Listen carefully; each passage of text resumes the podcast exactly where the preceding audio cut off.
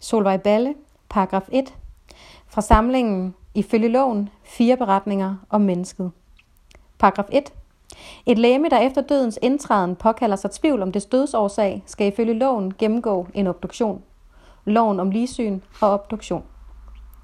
Det læme, der på en af vinterens første dage blev bragt ind på det retsmedicinske institut i Vilde Quebec, Canada, havde tilhørt en nyligt afdød kvinde – et hvidt lagen var lagt hen over læmet, og dets kontur så som et utydeligt relief på borgen, der af to ambulancefolk blev ført tværs over pladsen bag det retsmedicinske institut, forbi en varebil, der havde blokeret indgangen til bygningen, op ad en svagt skrånende sliske til en sideindgang og videre ind i bygningens korridor.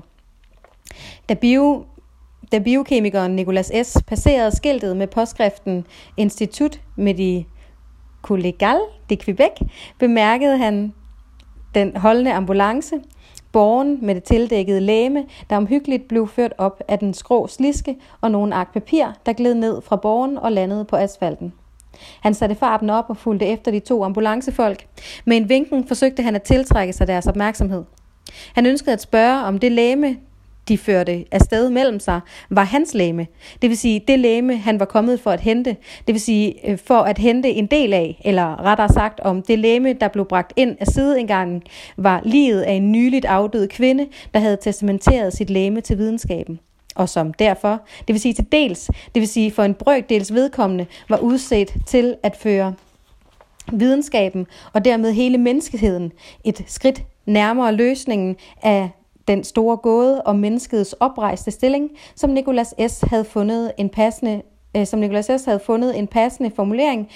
Øh, men før Nicolas S. havde fundet en passende formulering, var de to ambulancefolk med borgen mellem sig forsvundet ind i bygningens gange. Kort forinden havde Nicolas S. iklædt sig en frakke og sko og havde fra et vindue i sin lejlighed betragtet sneen på de omkringliggende tage. Ved synet af vinteren, der endnu lå urørt på tagene, tog han frakken af, lagde den over en stolryg, hentede en sweater i et skab, trak den over hovedet, førte armene gennem ærmerne, trak sweateren ned omkring overkroppen og tog frakken på igen. Derefter betragtede han sine sko. I tankerne havde han netop lokaliseret sine vintersø. I tankerne havde han netop lokaliseret sine vinterstøvler til en brun papirspose i loftrummet over lejligheden, da telefonen ringede. Det var en ældre retsmediciner, der tøvende efter, øh, spurgte efter en person ved navn Nikolas og med et efternavn, der begyndte med S. Han var ikke i stand til at tyde navnet, men personen han søgte havde nogle uger tidligere henvendt sig til det retsmedicinske institut. Da Nikolas S. havde forsikret ham om, at han havde truffet den rette, undskyldte retsmedicineren, at han kontaktede ham så tidligt på dagen og på hans private nummer, men sagen var den, at det retsmedicinske institut få minutter tidligere havde fået en melding om, at en nyligt afdød yngre kvinde, hvis læme var testamenteret videnskaben, snart ville ankomme. Fordi dødsårsagen ikke med sikkerhed kunne fastslå, ville man være nødt til at obducere livet – og fordi man ved en obduktion udsatte lægemet for visse nødvendige snit, måtte man udelukke den langstrakte og traditionsrige procedure, der gang på gang havde beriget videnskaben siden hollænderen, Andreas Vesalius i året 1543 udgav sit store værk, De Humani Corporis Fabrica, øh, om den menneskelige krops fabrik.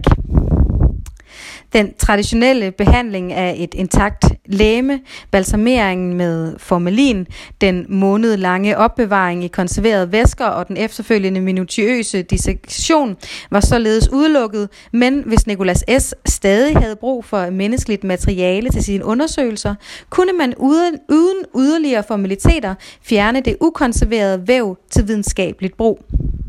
Nicolas S. undlod at bemærke, at nok var den traditionsrige øh, dissektionsmetode interessant ud fra æstetiske og undervisningsmæssige hensyn, men biokemisk set var den værdiløs, fordi den lod flygtige processer undslippe og overså bevægelsens biokemi til fordel for en stivnet mekanik. I stedet udtrykte han sin taknemmelighed over, at hans henvendelse, henvendelse var blevet husket. Han spurgte til omstændighederne ved kvindens tidlige og sikkert tragiske død, og fik at vide, at kvinden var fundet død i frostgrader, men mente, at dødsfaldet skyldes forfrysning. Ved denne oplysning skitserede Nicolas S. kort sine undersøgelser af det biokemiske grundlag for levende væseners motorik. Han havde i nogen tid arbejdet på at lokalisere et flygtigt kemisk stof, som kunne være årsag til menneskets oprejste stilling og gang, det såkaldte vertikalt tetiske bevægelsesmønster.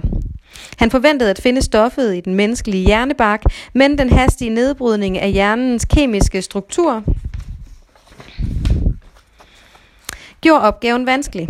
Derfor var det af afgørende betydning for undersøgelsens udfald, at det menneskelige materiale blev udtaget så hurtigt som muligt, blev beskyttet mod lyspåvirkning og nedfrosset straks efter udtagelsen.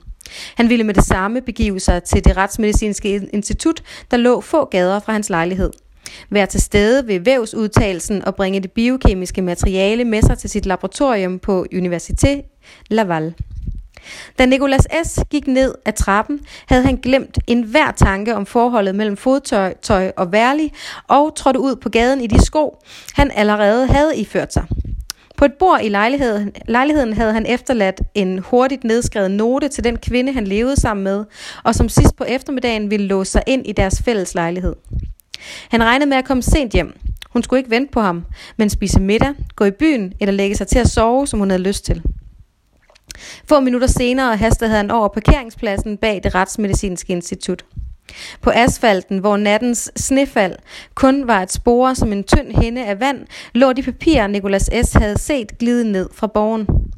Han samlede dem hurtigt op, gik op af trinene ved siden af den skrå sliske og søgte efter læmet og de to ambulancefolk i bygningens gange. Han genfandt dem i et lyst lokale, hvor retsmedicinerens assistenter, allerede iklædt obduktionsdragter i grønt og gråt, var ved at løfte det tildækkede læme fra borgen over på et bord i rustfrit stål. Retsmedicineren havde netop iført sig en dragt af samme type som assistenterne. Han nikkede genkendende, til den nyankomne, tog afsked med de to ambulancefolk, rakte Nikolas S. et sæt af de foreskrevne obduktionstøj og modtog det tilsøg, de tilsølede papirer, som Nikolas S. havde samlet op fra asfalten. En blanket med selvkopieret papir i forskellige kulører og en brun kuvert, der indeholdt kvindens pas og en få uger gammel bekræftelse af, at lægemet var blevet testamenteret videnskaben.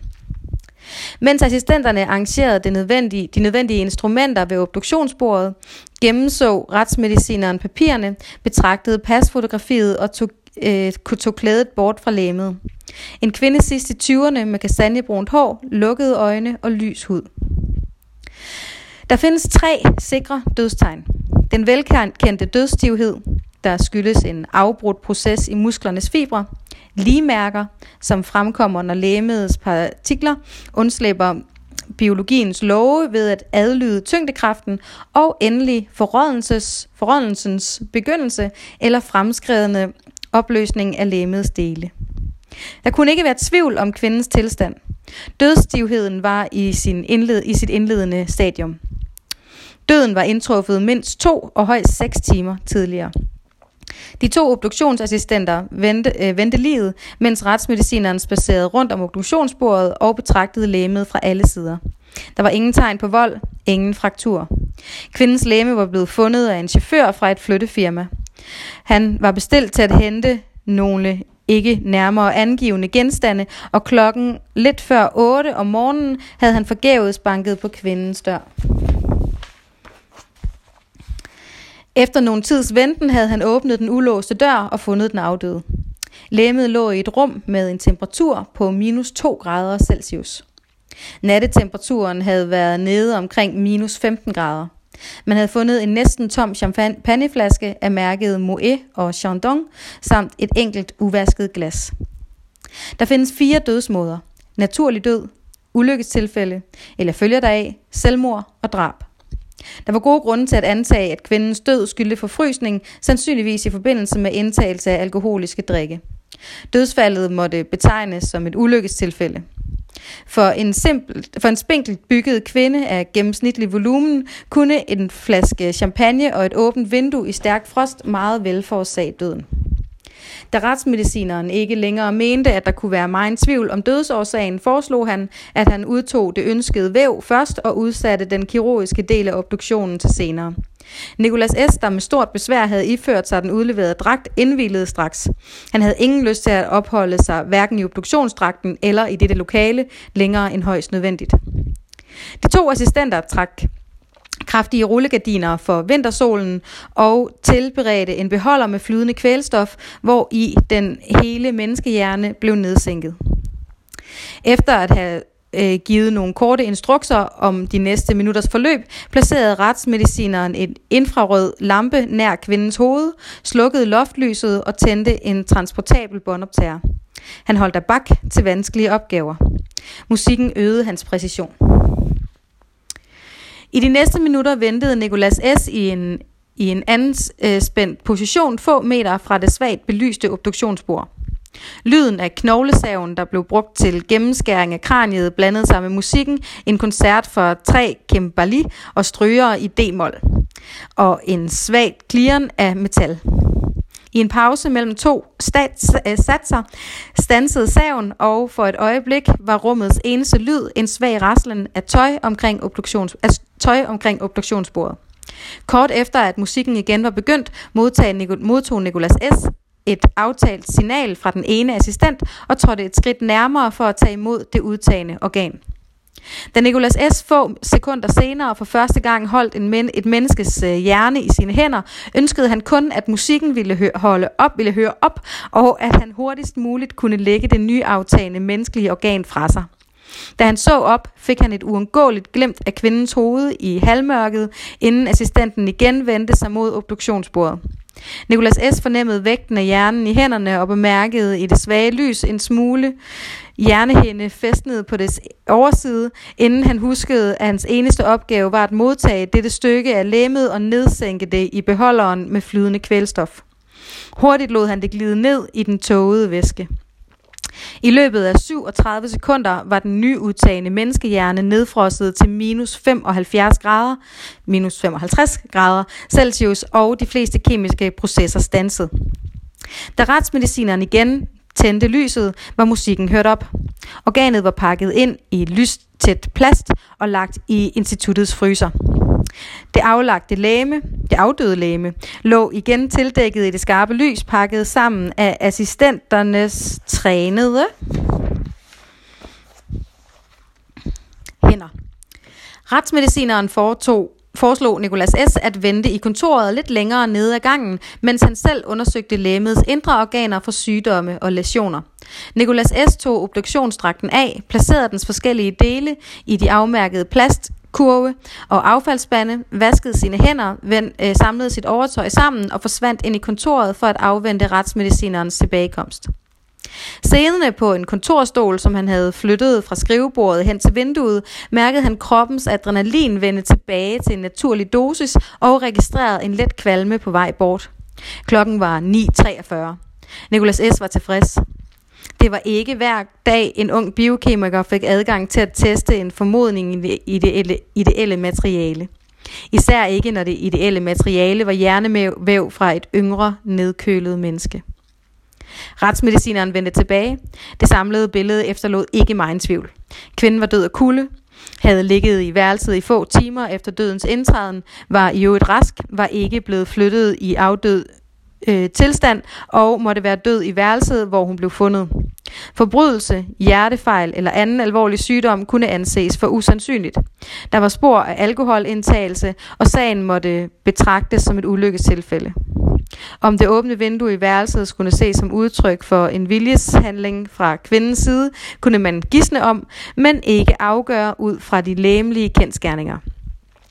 Nogle minutter senere spacerede Nikolas S. igen tværs over pladsen bag det retsmedicinske institut, denne gang med en transportabel fryseboks indeholdende en menneske hjerne i hånden. Den skarpe vintersol og luftens temperatur havde fået sneen på tagene til at smelte, og lyden af vand hørtes tydeligt gennem nedløbsrørene. Fra fortorvet indfangede, øh, indfangede han en taxa, der hurtigt kørte ham gennem byen, ud gennem den gamle byport, gennem forstederne og videre til Université Laval. De næste mange timer tilbragte Nicolas S. i laboratoriets mørke.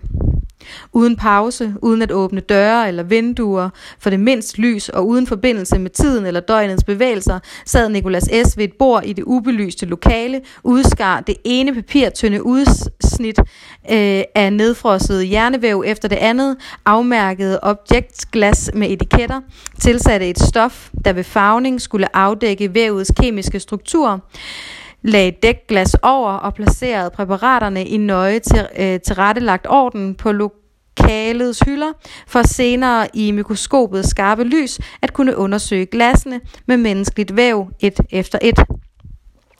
Havde man på dette tidspunkt spurgt Nikolas S., hvad han søgte i den menneskelige hjerne, ville han have svaret, at han søgte en bestemt grøn farve, at hans forventning til undersøgelsens udfald vekslede fra det ene øjeblik til det andet, men at han ikke længere havde anden mulighed end at skære sig gennem dette frosne væv, blindt, langsomt og tavst.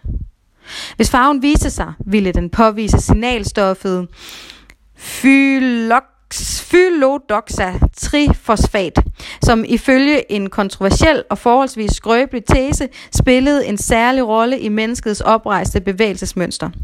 Den hypotese, der lå som baggrund for Nicolas S. ophold i det mørke laboratorium, samlede fra den al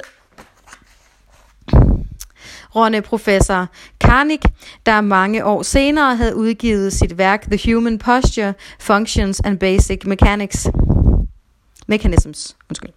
Værket var i årenes løb kommet til at stå som samlingspunkt for en række forskellige videnskabsgrene, i det professor König påtog sig at samle og kommentere de videnskabelige fremskridt, der blev gjort inden for sædvanligvis adskilte områder. I de følgende år blev værket fuldt op af flere reviderede udgaver, indtil den øh, respekterede professor med et gjorde sig upopulær i store kredse. Han stansede sin storstilede indsamling af forskningsresultater, nægtede at lade sit værk genoptrykke og vendte sig i flere tidsartikler imod den hæmningsløse indsamling af viden. I en af sine senere artikler hævdede han, at ingen af de minutiøse kortlægninger af fakta, man havde foretaget i de sidste årtiers hastige udvikling, havde bidraget til andet end velmente, men utilstrækkelige forklaringer på menneskets oprejste færden og gang. Man havde ikke kunnet løse gåden hverken ved komplet ud udfyldning af de ubeskrevne områder på de enkelte videnskabers landkort, eller med øh, fuldt koordinering af videnskabens samlede resultater, og skønt videnskabens mange nye områder havde bragt interessante fænomener og mekanismer frem i lyset, havde man hverken inden for mikro, øh, mikrobioptikken, den øh, synaptiske neuroteknologi, øh, strukturfysiologien, kortikalkemigrafen, evolutionsmekanikken eller neurokinematikken været i stand til at forklare menneskets oprejste færden. Dette skyldtes, ifølge professor König, at her var det et næsten enigt videnskabeligt samfund vendte sig imod ham, at den menneskelige oprejste stilling i sidste instans var styret og koordineret af et enestående stof, der kun fandtes i den menneskelige hjerne. Det nyttede ikke at søge efter love, mekanismer og stoffer, der var fælles for mennesket og universets andre væsener og genstande. Skulle man løse gåden om det oprejste menneske, måtte man vende sig mod mennesket selv. Der fandtes ingen anden udvej end at opgive den idé om ensartethed, som havde næret den videnskabelige tanke siden Thales fra Milet hævdede, at alting udsprang af det samme stof. Det var naturligvis ikke første gang i verdenshistorien, man havde forsøgt sig med et absolut skæld mellem det menneskelige og det ikke-menneskelige, og placeret mennesket som et ensomt væsen i et fremmed univers, og det var heller ikke første gang en forsker øh, efter et langt liv i videnskaben ytrede anskuelser, der måtte anses for ren metafysik. Det giver sig selv, at forskere i de involverede videnskabsgrene ikke straks lagde skalpeller, øh, mikroelektroder, petriskåle fraser, slukket for elektromikroskoper øh, og computer og gav sig til at spekulere over dets videnskabelige udvejsløshed. Man nøjedes med i respektfuld stilhed at betvivle den aldrende professor Königs åndsevner. Nikolas S. havde ikke interesseret sig særligt for professor Königs omvending fra det fjerde internationale symposium i strukturel biokemi, der i marts måned havde øh, samme år blev afholdt i Stockholm. På symposionets første dag fremviste Nicolas S. en, modul, øh, en model af molekylestrukturen i et af de stoffer, der udgjorde bevægelsens kemi. Til forskel fra de stoffer, der iværksatte forskellige aktive bevægelsesmønstre, mente man, at dette stof gjorde det muligt for levende væsener at stanse op midt i en bevægelse og at fastholde hele organismen eller dele af den i en stabil muskelspænding. På biokemisk niveau kunne man med dette stof forklare, hvordan et rovdyr på spring fastholdt sin sære positur, eller hvordan giraffer holdt sin lange, tynde hals strakt opad, selv under voldsom bevægelse. Man kunne forklare simple mekanismer som øh, målerlarvens buede stansning midt i målingen og mere komplicerede spørgsmål som flagmusens evne til at opholde sig i klippehuler i månedsvis med spændt gribemuskel. Endelig havde man fremsat den teori, at dette stof var et vigtigt element i de komplicerede biokemiske årsager til menneskets oprejse færden.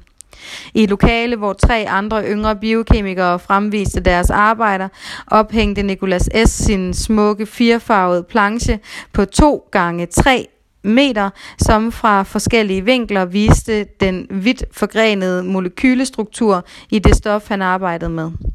Planchen havde hængt på sin plads i præcis 39 minutter, da en kollega fra et kendt laboratorium venligt påpegede, at der på et bestemt sted i den ellers smukke model syntes at mangle en gruppe fosfatforbindelser. Nikolas S. vidste straks, at kollegeren havde ret. Fejlen, der allerede var publiceret i et tidsskrift og som nu blev fremvist i stor størrelse og fire farver, skyldtes ikke en videnskabelig vanskelighed, men var en elementær fejltagelse og derfor så meget mere pinlig. Han havde ganske enkelt glemt disse yderligt placerede fosfatmolekyler under arbejdet på modellen, havde lavet sin artikel trykke, læst korrektur og fremstillet sin planche uden at bemærke fejlen. Til hans store held var interessen for hans arbejde begrænset, og ingen af symposiernes øvrige deltagere bemærkede fejlen. Det var med lettelse, at han to timer senere bar sin sammenfoldede planche hen til en affaldsspand i konferencecenterets tomme kantine. Hurtigt åbnede han låget til den cylinderformede beholder, der lugtede af rådnede grøntsager og fugtig jord, kastede planchen i beholderen, lukkede låget, gik tilbage gennem containeren og listede diskret ind i et af de fyldte auditorier. Da Nicolas S. tre dage senere gik ombord på flyet til Canada, var den eneste formidlede omstændighed ved symposierne den mangel på interesse, hans arbejde havde været genstand for. Et var at begå en videnskabelig fejl, men først at publicere sin fejltagelse, og dernæst fremvise den i stor størrelse, og fire farver var tegn på en uopmærksomhed, der kunne have gjort ham håbløst til grin. I flyet fandt Nicolas S. hurtigt en plads mellem et vindue og en mager ældre herre, og for at undgå, at hans tanker bestandigt vendte tilbage til den tåbelige fejl, satte han sig til rette i sædet og forsøgte at koncentrere sig om den syvende øh, reviderede udgave af professor Koenigs The Human Posture. Den nye udgave af det berømte værk var netop udkommet og havde fået symposionets store uofficielle havde været symposionets store uofficielle samtaleemne. Da rygtet om den overraskende genudgivelse begyndte at sprede sig blandt deltagerne, havde det været fuldt af gissninger om, at professor Koenig var vendt tilbage til sin tidligere standpunkt og havde fortsat sin utrættelige opsamling af viden fra forskellige områder. Men det viste sig hurtigt, at bogen var en fuldstændig revision af det oprindelige værk og indeholdt en samlet kritik af videnskabens hidtidige forsøg på at forklare menneskets oprejsthed. Med navns nævnelse og reference til mange hyppigt citerede artikler understregede professor Koenig, at ingen af de mekanismer, konstruktioner eller stoffer, der holdt giraffens hals, storkens ben, klapperslangens læme eller bavianens skelet oprejst i kortene eller i længere tid, kunne overføres til mennesket og forklare, hvordan dette uhensigtsmæssigt byggede, skrøbelige og komplekse væsen holdt sig oprejst fra isse til ankelled i timevis under stillstand, gang eller dans, under militære parader, på skrånende scenegulve, på udsatte vagtposter. Man kunne afdække en lang række fysiske, arkitektoniske, biologiske og kemiske love, men ingen af dem kunne holde mennesket oprejst i mere end nogle få øjeblikke. Det faldt sammen som en magnetdukke, væltede som et korthus, knækkede som et siv. Man havde beskrevet menneskets evolution fra amøbe til lodret væsen og kortlagt dets udvikling fra spædbarn til standhaftigt oprejst menneske, men de mekanismer, der holdt dette væsen oprejst, havde man ikke begrebet.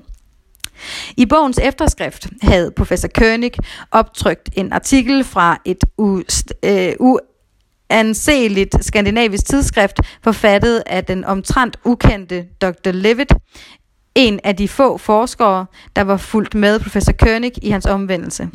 Dr. Levitt havde beregnet et signalstof, der fra sit udspring i menneskets hjernebark skulle kunne koordinere alle de stoffer, mekanismer og funktioner, man kendte fra videnskabers øvrige undersøgelser. I en lang og øh, omstændelige beskrivelse gjorde han rede for hvert enkelt af disse elementer og for deres forbindelse til det nye stof, som han kaldte polydoxa 3 kombin, eller senere i artiklen blot PD3C. Stoffet kunne i kraft af kraft af sin struktur aktivere de celler, der frisatte andre stoffer, som igen aktiverede de forskellige mekanismer, der tilsammen udgjorde den oprejste færdens komplicerede mekanik. Dr. Levitt mente, at man med dette stof var på sporet af den øh, endelige øh, differentias øh, specifika, den afgørende fysiologiske forskel på mennesket og andre væsener. Overraskende nok lod Dr. Levitt ikke disse påstande følge af den sædvanlige argumentation for øgede forskningsmidler eller løfter om de epokegørende fund, man snarligt ville gøre. I stedet hævdede han, at de eksperimentelle videnskaber intet kunne føje til hans tese. Stoffet ville være umuligt at lokalisere, da det kun fandtes i det levende menneskes levende hjernevæv. Dets flygtige struktur ville være nedbrudt længe før det ankom til videnskabens laboratorier. Dette forklarede, hvorfor man ikke havde fundet et sådan stof under de mange undersøgelser, man havde udført i de sidste årtier. Man kunne udpege vejen til menneskets oprejste færden, men vandre af det kunne man ikke. Som Dr. Levitt udtrykte det i artiklens afslutning med den hang til pompøs metaforik, som man ofte ser hos forskere, når de bevæger sig uden for områder, de har lært at færdes i med korthed og stringens. Konklusionen havde vagt stor morskab på det fjerde internationale symposium i strukturel biokemi. Dr. Levitt havde i en blanding af biokemi og fri fantasi opfundet et teoretisk molekyle og havde for at beskytte sin uplausible tese foretaget den klassiske manøvre, der bestod i at øh, hævde stoffets usandsynlighed. Professor Koenigs kritik af navngivende kollega var blevet mødt med lidt mindre latter. De fleste mente dog stadig, at han blot var et glimrende eksempel på det, der sker, når en aldrende videnskabsmand overbevist om sit fodfæste glemmer at forsyne sine sko med observationens blyindlæg og øh, blæses bort med den første luftige idé, der passerer ham. Blandt de, der mente, at professor Koenig blot var blevet senil, mente enkelte, at hans tese var interessant, men videnskabeligt set både besværlig og usandsynlig. Blandt de interesserede fandt nogen overensstemmelser øh, fandt nogen overensstemmelserne over de endelige forskelle mellem mennesker og andre skabninger ganske fængslende, mens andre især var optaget af at diskutere skældet mellem levende og livløst materiale. Nogen mente, at kun de fantasiløse kunne overse spændingen i Königs og Levitts funktion på trods af den åbenbare klassiske fejlmanøvre. Andre igen hævdede, at de, der insisterede på vidt åbne passager mellem alle former for væsener og genstande, heller ikke undgik klassiske fejlmanøvrer, når de forsøgte at placere alting i et paradisisk og forskelsløst fællesskab. De fleste kunne dog blive enige om, at videnskabens fornemmeste opgave var at afgrænse det generelle fra det enestående og det observerbare fra det tænkelige, og at man måtte betegne professor Koenigs tese som ren spekulation. I symposiernes debat var Nicholas S beskæmmelse over sin forstørrede fejltagelse trængt i baggrunden, men indeklemt mellem flyets vindue og herren i sædet ved siden af, kunne han ikke længere holde den på afstand. Efterhånden, som han nærmede sig bogens afslutning og den kanadiske kyst, blev det vanskeligere for ham at holde sin opmærksomhed rettet mod værket og bortledt fra den latterlige fejl. Mere optaget af sit eget problem end bogens, op, end bogens opdagede Nå, øh, mere optaget af sit eget problem end bogens, opdagede Nicholas S., at Dr. Levitt ganske vist uden kildeangivelse havde medtaget det stof, Nicholas S. arbejdede med i sin lange liste over stoffer, der blev aktiveret og koordineret af det nye enestående stof. Fordi modellen af stoffet var blevet publiceret uden den manglende fosfatgruppe, havde fejlen forplantet sig til Dr. Levitts stof. Med kølig tilfredshed konstaterede Nicholas S., at fejlen for uden at forårsage skader på hans egen videnskabelige forfængelighed, ødelagde store dele af den argumentation, der omgav Levitts molekylestruktur. Levitts stof kunne umuligt være det samlede og koordinerende stof i denne komplicerede mekanisme, Enten var stoffets struktur forkert, eller også var hele tesen en samling skrøbelige påstande, der blegnede selv i det svage lys, der faldt ind ad et ruteflys vindue. Nicholas S. lagde bogen tilbage i sin taske og gav sig til at betragte landskabet uden for ruden. Nok havde han gjort sig til grin med sin store fejlagtige planche, men hvis hans manglende fosfatgruppe kunne få Dr. Livets korthus til at falde sammen og gøre en ende på symposiernes hæftige debat, var turen over Atlanten ikke helt spildt. Han overvejede straks at sende en koordinerende note til det tidsskrift, der havde publiceret hans molekylestruktur, og tilføje de kuriøse følger, hans forglemmelse havde haft.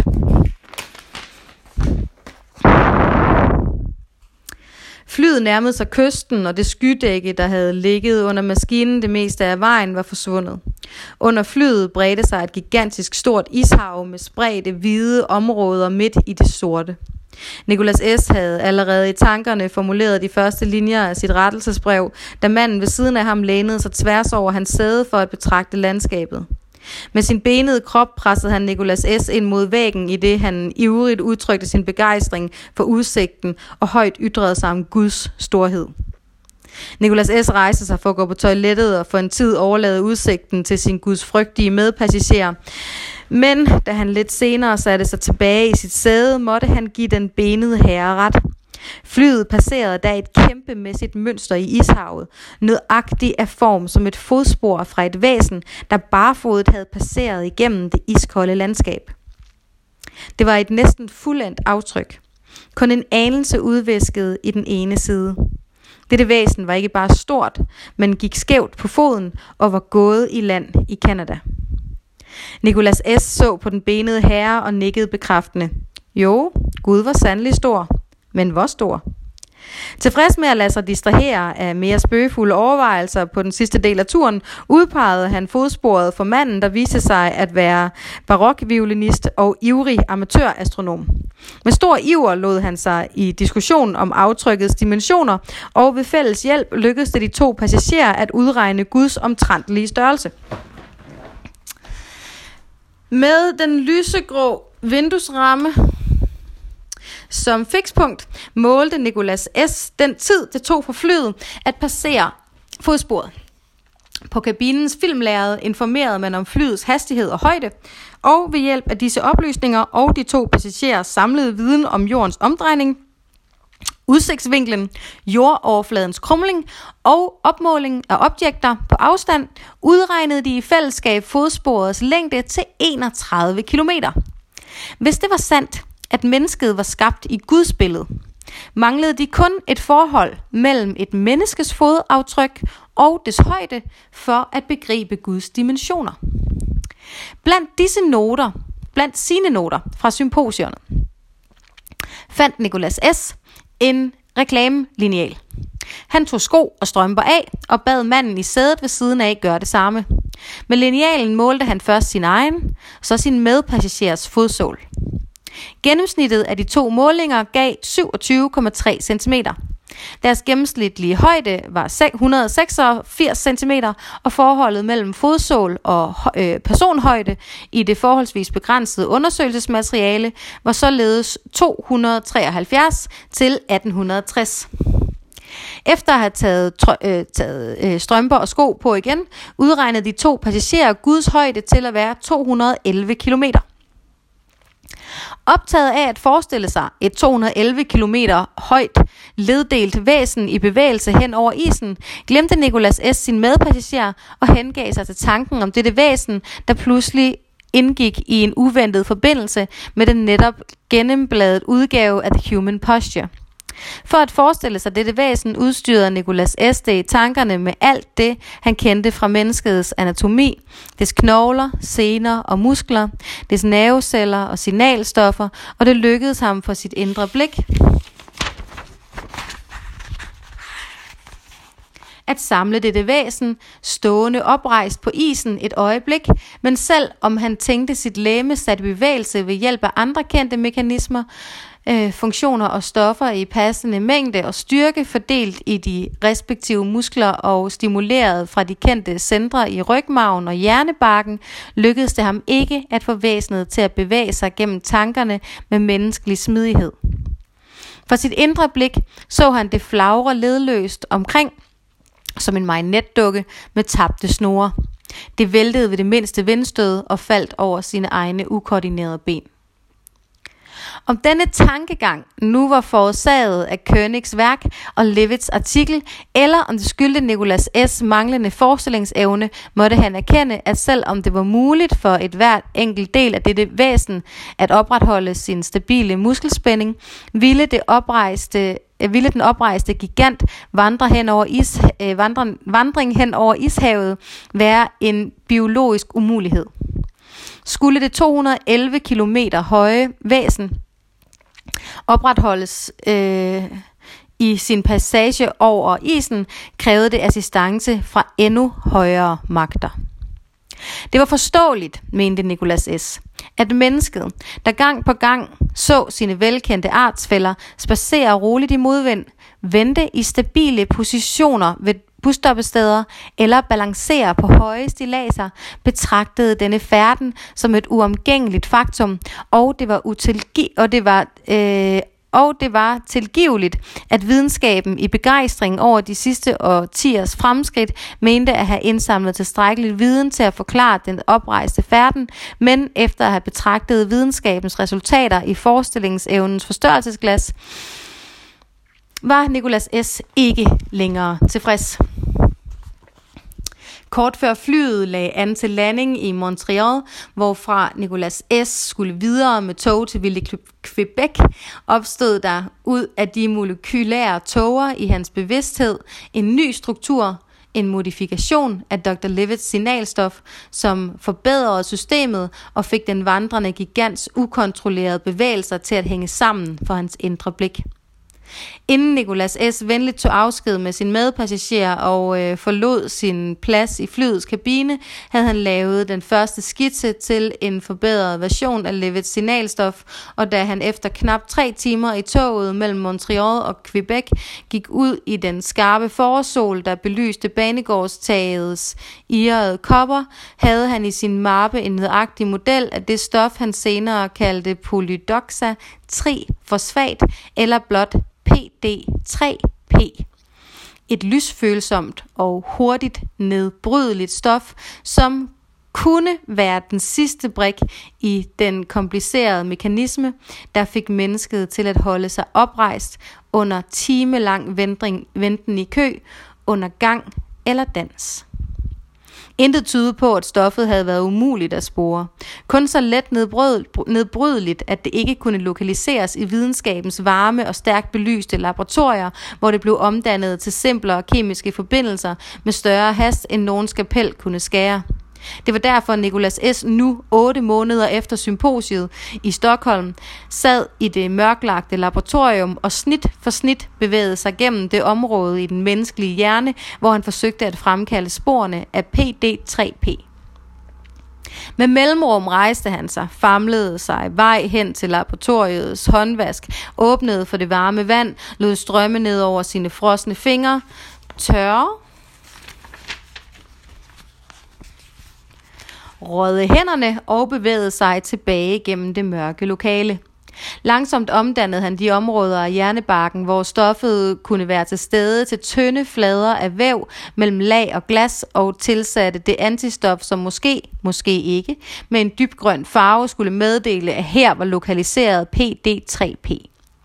Sent på dagen, da instituttets laboratorier, kontorer og gange for længst var tømt for mennesker, udskar han det sidste stykke væv. I de sidste uger havde han flere gange gennemgået udskæringens procedurer med forskellige stykker af tilfældighed med tilfældigt væv for at træne sine færdigheder i mørke. Hans mere eller mindre øh, skeptiske kolleger havde lavet sig overbevise af hans ihærdighed og havde hjulpet ham med fremstilling af antistof og diskussion af ny, mulige fejlkilder. Men først nu, hvor det afgørende materiale lå på laboratoriets hylder, gik det op for ham, at han inden, inden længe ville vide, om æskerne omkring ham indeholdt ny viden, eller om han ved at forfølge denne hypotese for alvor havde udleveret sig til den videnskabelige hånlatter. Få minutter senere tændte han lyset og begyndte langsomt at undersøge præparaterne. Han festnede det ene glas efter det andet under mikroskopets linse, og i det skarpe lys betragtede han de næsten gennemsigtige udsnit af hjernevæv, dets farver, strukturer og celleformationer. Han gennemsøgte æske efter æske, glas efter glas, indtil der i en gruppe af mikroskopsglas, som repræsenterede et lille, men afgrænset område af hjernebarken, viste sig tydelige områder med pigmering af den karakteristiske grønne farve. Nikolas S. satte sig på en lav, men komfortabel skammel midt i laboratoriet. Klokken var 22.39. Klokken 22.41 begyndte han at samle æskerne sammen, rengøre instrumenter og rydde op i laboratoriet. Han efterlod en note til en kollega om fagningens resultater for første gang, siden han samme morgen havde nedskrevet en hastig besked, tænkte han på kvinden, der ventede på ham i deres fælles lejlighed, vågen eller halvt sovende. Ved tanken om hende blev han grebet af, en, af et pludseligt ønske om at tale med hende, at berette om sin opdagelse, at røre hende eller blot betragte hendes sovende krop. Han så på sit ur. Med et held ville der inden længe være en bus, der førte ham ind til byen. I hast hentede han sin sweater og sin frakke, tog dem på, slukkede lyset i laboratoriet op på gangen i det øh, og på gangen i det øh, biokemiske instituts afdeling for humanbiologiske undersøgelser og kørte med elevatoren ned gennem bygningen. Et øjeblik fortrød han, at han ikke havde ringet til sin veninde, i håb om, at hun ville holde sig vågen, til han nåede hjem, så han allerede i nat kunne berette om dagens hændelser og det grønne pigments fremkomst i skarpt lys. Men allerede da han gik ud i det mennesketomme campusområde, var han tilfreds med ikke at have gjort det. Det han havde set gennem mikroskopets linse, var først nu ved at fæstne sig i hans bevidsthed og han ønskede blot i endnu nogle minutter at være alene med sin opdagelse og vandre uforstyrret gennem det øde område.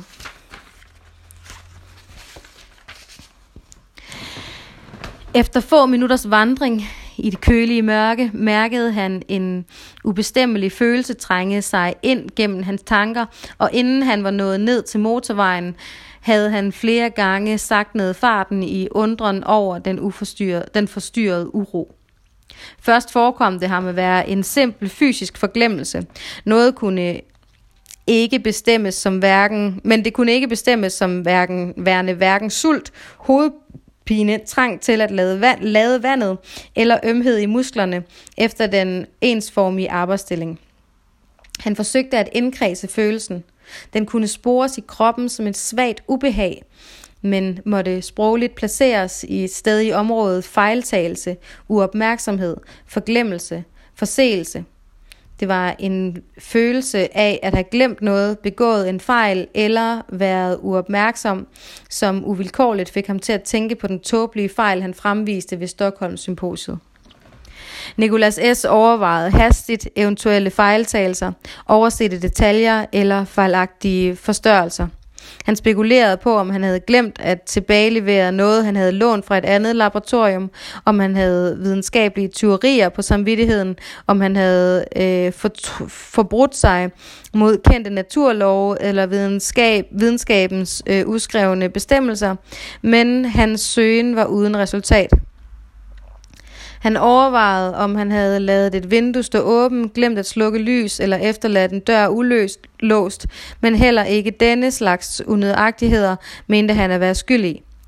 Da han passerede hovedvejen, følte han en stærk trang til at vende tilbage til sit laboratorium for at koordinere, at alt var, som det skulle være, eller for endnu en gang at sikre sig, at det var den rette grønne pigmentering, han havde set, men allerede da han havde krydset hovedvejen for at gå tilbage, var han sikker på, at det ville være spildt ulejlighed. Det var ikke det, der var årsagen til uroen. Ærgerlig over den uforklarlige fornemmelse, stod han nogle minutter og ventede ved vejkanten, men da, han, da bussen lidt senere nærmede sig, vendte han ryggen til og lod den passere forbi på hovedvejen. Han ønskede ikke at transportere denne uro med sig hjem. Han fandt det utåligt, at han efter en opdagelse som den, han netop havde gjort, skulle vandre omkring med denne sære uro i kroppen. Nikolas Eske gik ind mod byen. Han ønskede ikke længere at berette om opdagelsen til sin veninde. Han ønskede pludselig, at hun sov. Han ønskede ikke at tale med nogen, ikke før han havde sovet, ikke før denne uro havde fortonet sig. Han var træt. Han havde lyst til at sove. Han havde lyst til at liste sig gennem lejligheden med lukkede øjne og roligt, uden spørgsmål og uden at blive betragtet, overvinde denne følelse af fejltagelser og oversete detaljer. Han så på sit ur. Hvis han foretog turen ind til byen til fods, ville han være mindst to timer om at komme hjem og ville ankomme i en slukket lejlighed. Han, det begyndte at sne, efter at nattens sidste bus var passeret. Blæsten førte sneen i skrå byer imod ham. Han øgede sin hastighed og slog sin frakkekrav op. Havde man nogle dage tidligere spurgt ham, hvilken stemning han forestillede sig, han ville befinde sig i ved en opdagelse som denne, ville han have beskrevet det som en følelse af opstemt ro. Han ville have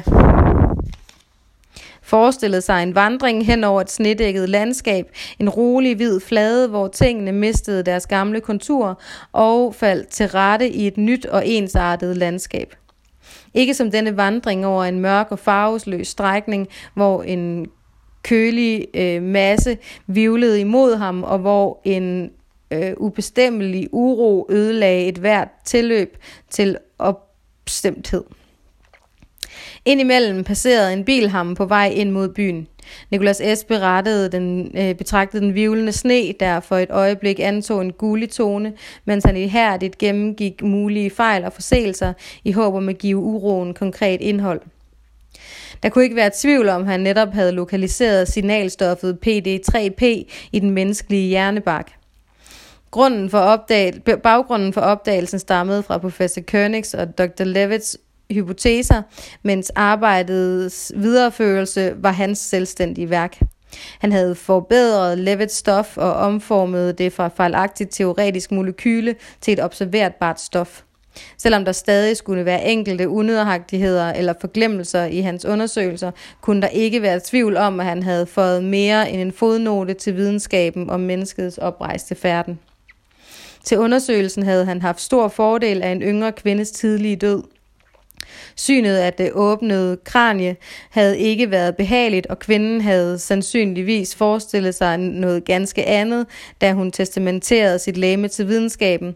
En smuk naturlig afslutning, en fragmenteret balsamering, hvor kroppens dele, vævet struktur og musklernes elegance blev bevaret og dissekreret med traditionsrig omhu og skønhedssans. Man havde ikke spurgt hende, om hun ønskede at afstå fra denne fuldendte afslutning for at deltage i løsningen af gåden om menneskets oprejse færden, men det var lovens bestemmelser, og ikke ham, der havde forhindret det. Og det kunne ikke være, der kunne ikke være tvivl om, at hans brug af menneskeligt væv var både lovligt og moralsk forsvarligt.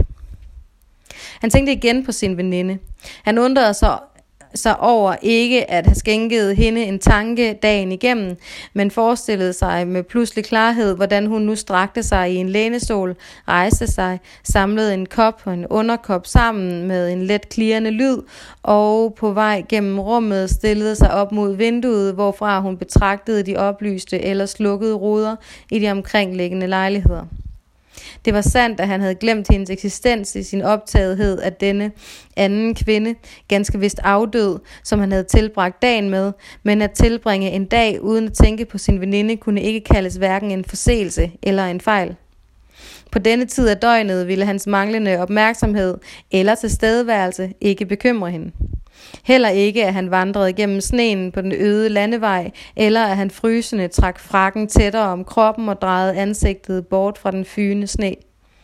Når han på denne tid af døgnet ved overgangen mellem aften og nat vendte tilbage fra sit laboratorium, fandt han hende sjældent roligt ventende i en lænestol eller ved vinduet. Som regel opholdt hun sig på steder i lejligheden, hvor mennesker sædvanligvis ikke holdt til. Siddende på gulvet i et fjernt hjørne, på et bord eller i en vindueskarm, læsende eller med armene foldet om de bøjede ben. Fra disse steder talte hun til ham, stillede spørgsmål, han ikke kunne besvare, eller betragtede ham fra en skrå vinkel, nedefra eller fra siden, som gav ham en følelse af at træde ind et eller andet sted i den lejlighed, han havde forladt samme morgen.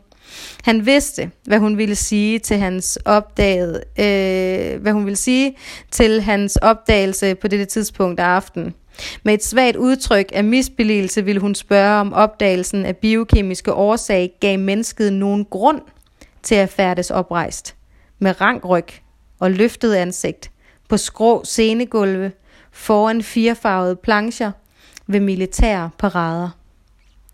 Med en let gaben og ryggen lænet mod en væg, en radiator eller en bogreol, ville hun forsøge at oprejse, opregne gode grunde til, at mennesket hørte til blandt dyrene, planterne og de rå klipper ved havet.